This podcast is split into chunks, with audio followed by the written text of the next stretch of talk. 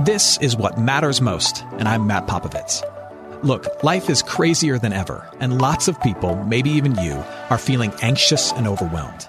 Today's message is designed to help you figure out what's most important and to experience the peace and joy that God intends for you. Because life is a gift, and it shouldn't be wasted on worry. I'd like to give you a resource, something to help you navigate the road ahead. Just go to mattpopovits.com, click on the icon, and we'll send it to you. That's Matt, P-O-P-O-V-I-T-S dot com. And hey, if you happen to live in the Houston area, I'd love to see you on a Sunday morning at St. Mark in Spring Branch. Head to stmarkhouston.org to plan your visit. Here's today's message. Thanks for listening. So I don't really remember how old I was. I just I just remember the conversation. Um, I was uh, walking into the living room. I remember seeing my mom um, laying on the couch, and she had been laying on the couch for a long time. And prior to that, she'd been laying in her bed for a really long time. And I thought it maybe would just last the morning, and then it lasted the day, and then it lasted a couple of days. I remember asking her, Mom, what's wrong? And she said to me, She said, Matt, sometimes people get sad. And I said, Well, why are you sad? And she said, Matt, sometimes there's no reason. Sometimes people just are. This morning, we're continuing a teaching series that we've been in called Spent. We're talking about seasons of emptiness, those moments and seasons in life where you are drained by life. We've talked about how work can wear us down so much so that it takes everything we have and we can look at our calling, maybe a calling that you love, and you can say, I've got nothing left to give. Or how the gift of family can be something that, that wears you down and takes from you and takes from you until you've got nothing left to give. And today we continue that conversation by talking about this, this reality that sometimes our hearts are simply heavy. Sometimes for no reason at all. That conversation with my mother was the first time I realized that sometimes, for a myriad of reasons, human beings wrestle with dark clouds of deep sadness. Uh, the good news is that uh, for Christians, we, we, believe that the Bible talks about this a lot. Uh, just one instance, Proverbs chapter 18, verse 14 says this A man's spirit will endure sickness, but a crushed spirit who can bear? And when your spirit is crushed, when the cloud comes over you, easy things like smiling or getting out of bed or breathing can absolutely drain you. The Old Testament talks uh, at great length about a man named Elijah. And Elijah is one of the most prominent fe- uh, people in the Old Testament and also really in the New Testament. He's a prominent person in the Christian faith. And among all the things that Elijah accomplished, among all the things that Elijah is known for, one of the things that Elijah is known for is the fact that Elijah seemed to suffer from a sad and anguished heart. Uh, Elijah was a leader and, and prophet among God's people, Israel, in the Old Testament. And if you flip through the Bible, you will see that he is a man of incredible importance, both in the Old Testament and in the New. The high point of Elijah's ministry as a prophet, as a truth speaker among God's people, the high point of his career, so to speak, came in a standoff between him, him alone, and 450 other prophets, false prophets of a pagan god named Baal. It was a standoff between the one true God of Elijah and the false God of these 450 other prophets. And so what Elijah did, it was a very gutsy move. Elijah did the equivalent of saying, Hey, meet me at Madison Square Garden and we'll see whose God shows up. You 450, you call upon Baal. Me, this one guy, I will call upon the God of Israel and we'll see which God is real. That takes guts. Well, if you know the story, you know that Elijah's God showed up in power. Their God did absolutely nothing. It was a huge historic victory, not just for God, but for Elijah as an individual. In this moment, his career was at an all time high. Moments later, he's walking away from this victory, his chest puffed out, confident in the power of his God. Moments later, he gets word that a woman named Jezebel, another pagan leader wants to challenge him and indeed wants to kill him. And strangely, Elijah hears this Even though he's coming off an incredible victory, Elijah hears this and in an instant he is crushed. He's overcome with emotion and fear and he runs into the woods. Listen to what happens. 1 Kings chapter 19. Elijah was afraid and he arose and he ran for his life and came to Beersheba, which belongs to Judah, and left his servant there. But he himself went a day's journey into the wilderness and came and sat down under a broom tree. And he asked that he might die, saying, It is enough. Ever been there? It is enough. Now, O Lord, take away my life for I am no better than my fathers. And he lay down and slept under a broom tree, essentially waiting to die. Now think about this. He had just had a spectacular victory, knocking down 450 enemies. He had no reason to fear one more enemy. No rational reason at all to fear one more enemy. Most of us, in the aftermath of our success, our problem is a delusional level of confidence I don't know about you, but I have one good day at work and I think, man, I should probably write a book. I'm amazing. But Elijah, he swings in the opposite direction. And notice it says he's so sad that he wants to take his life. Now, one of the things I love about the scriptures, and one of the things I think is proof of the reliability of the Christian scriptures, is how honestly they depict the human condition. Have you ever been swept over by sadness or darkness or depression? You know how true this is. Oftentimes, there is no logical, discernible reason for it whatsoever. It just is. And people can look at you and say, You just had the biggest victory of your life. Why are you afraid? Why are you sad? Why are you crying? Why are you running? And you've got no answer other than to say, It's enough. I want to sleep here and go away. Now, what's amazing to me in this story is God's response. And, that's really what I want us to look at this morning is, is how does God treat a sad man?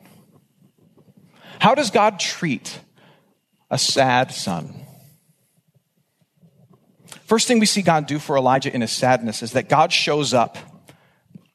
God sends an angel and comforts Elijah. Specifically, the angel shows up and he cooks for Elijah. That's right. God shows up and makes a sad man breakfast. Let me read it to you.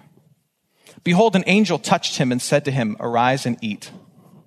And he looked, and behold, there was at his head a cake baked in hot stones and a jar of water. And he ate and drank and lay down again. And the angel of the Lord came a second time. He let him nap and touched him and said, Arise and eat, for the journey is too great for you. And Elijah arose and ate and drank and went in the strength of that food for 40 days and 40 nights to Horeb, the Mount of God. Now, if you've ever read through the scriptures, you know that whenever an angel shows up, there is typically just one response. An angel shows up, and the first thing the angel has to say is what? Do you know? Fear not. Because when an angel shows up, you want to die. It's so frightening with glory, you want to die. Angels inspire awe and trembling, but not here. An angel of the Lord shows up, sees sad Elijah, and this angel shows up and is incredibly gentle and incredibly kind. And it says twice he touched Elijah and then did something simple for Elijah. He fed him when Lisa and I were newly married, um, this might be hard to believe, there were moments where we got into fights. In fact, it was kind of a theme of our early days. Um, tears and emotion. um, I remember one particular conversation we had where she was upset, and I didn't really know quite why she was upset. And I remember looking at her and saying, What am I supposed to do? How do I make this go away? I wanted to fix it. I wanted to solve her pain. And she looked at me and she said, I don't want you to fix me. I just want you to understand me and be near me. Oftentimes, when your heart is heavy, there is no fix. What you need is not a solution. What you need is compassion. Sometimes what you need is not someone to tell you how to fix the things that make you sad. What you need is a good meal. What you need is someone who loves you to just place a hand on your shoulder and be near you. What you need is a good walk in a beautiful park or to binge watch your favorite television shows while your friends text you and tell you that they love you. Sometimes that's what you need. You see, often um, in our world, there are, there are two large groups of people. There are very secular people, there are very religious people. Very secular people are quick to say, hey, you're sad, your problem is medicinal or psychological. What you need is a new drug or a great therapy therapist, here, go see mine. And there's certainly a place for that. I don't want to undermine that at all. There's certainly a place for that. On the other end of the spectrum, religious people are quick to say, oh, you're sad, your problem is moral or spiritual. What you need to do is clean up your life or get on your knees and pray more. And there's a place for that too. But often when people offer those things to you, those are attempts to fix your sadness because they're made uncomfortable by your sadness. And yet, what I love here is that Elijah is overwhelmed with sadness, yet God shows up and refuses to try and fix him. He doesn't preach at him, he doesn't correct him, he just sees his sad son and offers compassion to him places a hand on his shoulder and says, Here, I can tell that you're hungry. Have something to eat. And this is an idea about the divine that is unique to Christianity. This belief that God, who is glorious and is worthy of worship and does leave us awestruck, that this incredible God is willing to come and meet and love and serve human beings in all of their frailty. The glorious God is willing to come and cook for his broken people. No other faith believes this. I hope you're enjoying today's message. For more of what matters most, you can head to mattpopovits.com. There you'll find other messages. You can support this ministry as well as access your free gift. Oh, and if you're looking for a local church and you live in Houston, come and see what's happening at St. Mark Houston. To plan your visit, head to stmarkhouston.org. Thanks for listening, and back to today's message. So Elijah is comforted by the angel and now he becomes determined in his sadness to get even closer to God. And you saw in the reading there that he sets out on a journey to Mount Horeb. Now, Mount Horeb, we know, according to, according to, according to uh, ancient maps, was about 250 miles from where Elijah was. So he sets out on a 250 mile journey on foot by himself, and he moves slowly because it takes him 40 days to get there he heads to Mount Horeb, but Mount Horeb, if you really know your Old Testament stuff, uh, Mount Horeb has another name. The other name for Mount Horeb is Mount Sinai. Mount Sinai is the place where much, much earlier Charlton Heston had climbed that mountain. He'd climbed that mountain asking to see God's glory. He climbed that mountain wanting to see God with his own two eyes. And that's the same mountain where he received the Ten Commandments. And if you know that story, as Moses took cover against a rock, God passed by and Moses got a glimpse of God's glory. So Elijah, in his sadness, with tears running down his face, he heads to that same spot. I'm going to go to the place where my spiritual father encountered God. He goes to that same spot, that same rock. He wants to get close to God. When your heart gets heavy, where do you run? In the sadness and the darkness, where is your hiding place? Because everybody runs somewhere. You might dive into your bed and close out the world and hide under your sheets. Or maybe you dive, dive to a bad habit where you try to hide the pain. Some of us, what we tend to do, we mean me, I tend to get really quiet and retreat deep into my own mind. But Elijah runs and he tries to get more of God, which I would suggest is a decent move. And here's what happens. Elijah came to a cave and he lodged in it. And behold, the word of the Lord came to him and said to him, What are you doing here, Elijah? Now, just a clue whenever God asks a question of you, he's never asking for himself, he's always asking for you. It's an opportunity for you to dig around and reflect and know yourself better. What are you doing here, Elijah? And Elijah said, I've been very jealous for the Lord, the God of hosts. For the people of Israel have forsaken your covenant, thrown down your altars, and killed your prophets with a sword. And I, even I, only am left, and they seek my life to take it away. In other words, eh, nobody loves you like I do, and yet I'm getting screwed. So God shows up, and what does he do? Does he preach to Elijah? No, not yet. Does he scold Elijah? No. After comforting Elijah in this moment, what does he do? He listens to Elijah. He allows Elijah to unload the fact that he is angry that he has to fight another battle, that he's angry that the victory is short lived. Now, notice also that God doesn't say that Elijah's feelings are wrong. God doesn't say, well, Elijah, you're acting like a baby, although he kind of is. God just listens. And again, this, this obliterates our assumptions about the divine because we tend to assume, we tend to assume that if God exists, if God exists, he is so holy and he's so perfect that he wants nothing to do with us in the midst of an ugly cry we assume that we have to like wipe our tears and figure out the right things to say. But if this moment with Elijah is instructive at all, it tells us, it tells the heavy hearted people that God invites us to seek him out in our sadness and to pour out our hearts in our sadness. I mean, did you know that there is, there is historic biblical precedent for you to take your anger, to take your irrational fear, to take your emotions, to take your really messy feelings and to spew them out on God? That it's not a bad thing for you to spew out whatever thing you're feeling onto the divine. It's not a bad thing. That God wants you when you're laying in bed sad or you're lost in dark thoughts at work. He wants you in your heart to climb to the top of the mountain where He says to you, Why are you here? What are you feeling? What's going on? And then you get to tell Him. Now, as a side note, the New Testament tells us that the baptized people of Jesus, the church, that we are the presence of God in this world today. Which means that we, the church, we have the opportunity to be that listening ear of God to one another and to the world.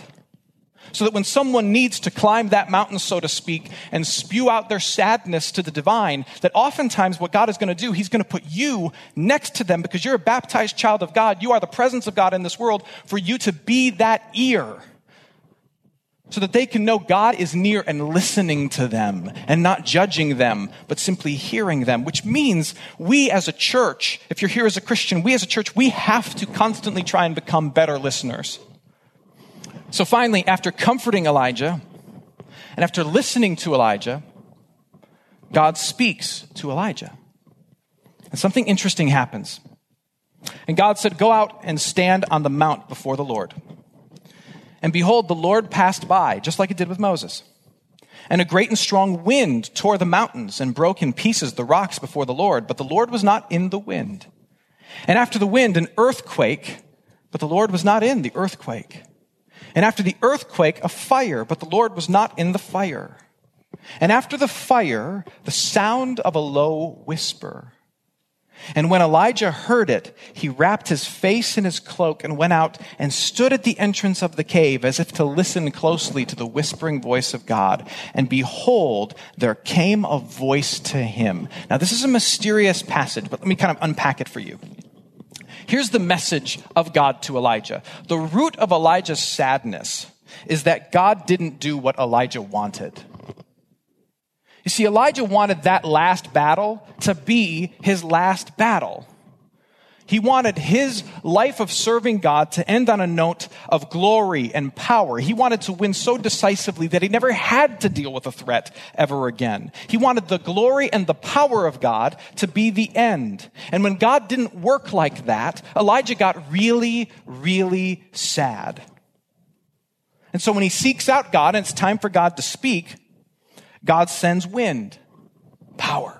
He sends earthquake, power. He sends fire, power. And Elijah is looking for God in the show of that glory and power. But God's presence was not found in the glory and the power. It was found in a simple whisper of his words. And the message to Elijah is this I'm not always going to show up the way you want. I'm not always going to show up in the great and glorious display of power and let that be my final word. You're mad because you think my plan should involve a happy ending and a show of power. But sometimes I show up in surprising ways, in weak ways. Sometimes I show up like a whisper on the side of a mountain. And if you insist that I work in your ways, if you insist that I fit in your box, then you will be perpetually frustrated by me. Is it possible, and it may not be the case for you, but, but is it possible that the root of your heavy heartedness is the same as Elijah's? That the root of your darkness is disappointment with God? In this whisper to Elijah, God also offers a remedy to him.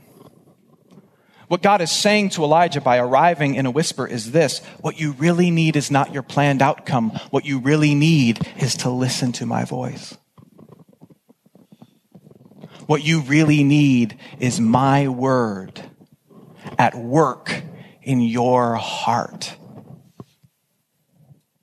Now, it's not a coincidence that when Jesus shows up and the disciple John writes the story of Jesus, what does John call Jesus? He calls him the Word of God in flesh. Jesus is the whisper of God with skin on. He is the one we look to to answer that deep need. And when we look to Jesus, what do we hear?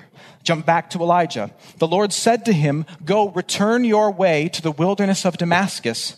In other words, go home. And when you arrive, you shall anoint Hazael to be king over Syria, and Jehu the son of Nimshi you shall anoint to be king over Israel, and Elisha the son of Shaphat of Abelem, I can't even pronounce that, you shall anoint to be the prophet in your place. When God's whisper is heard, what does God's whisper say to Elijah?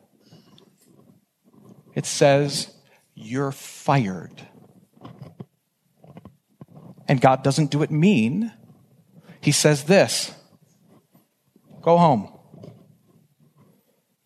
Anoint somebody else to lead. I'll bring victory through them. When God's word breaks through, what does he do? He relieves Elijah of the thing that gives him so much angst. He sets him free from the responsibilities that sour his soul and have given him so much darkness. Now, Jesus is the whisper of God in flesh. What does he say to the world while he's hanging on the cross? He's hanging on the cross. His last three words are this It is what? Finished. You know another way you can hear that? You're fired. You don't have to fight. The battle has been won. Even if you never shake the sadness, even if you decide to never get out of bed, Jesus has gotten out of the grave and secured mercy and grace and goodness for you. That's what's true. John 16, 33, these are the words of Jesus. I have said these things to you that in me you may have peace. If you don't know these words, you should know these words. In the world, you will have tribulation. Underline, will have. But here's the key, but take heart. I have what? Overcome the world. You are fired from the job of conquering the world. Jesus has done it. I realize that I'm not speaking to everybody this morning.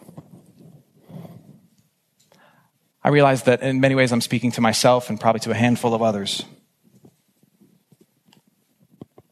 If your heart is heavy, if you're walking under a deep, dark cloud, I want you to know, I want you to know that we love you. And I will admit to you that I know about as much today about what you're going through and how to fix it as I did 25 years ago when I saw my mom sitting on the couch, slumped and sad. But I do know this I know we have a God who will comfort you, So let us. I know you have a God who will listen to you, so speak. I know you have a God who has relieved you from the burden of having to fix your life, so I invite you to exhale.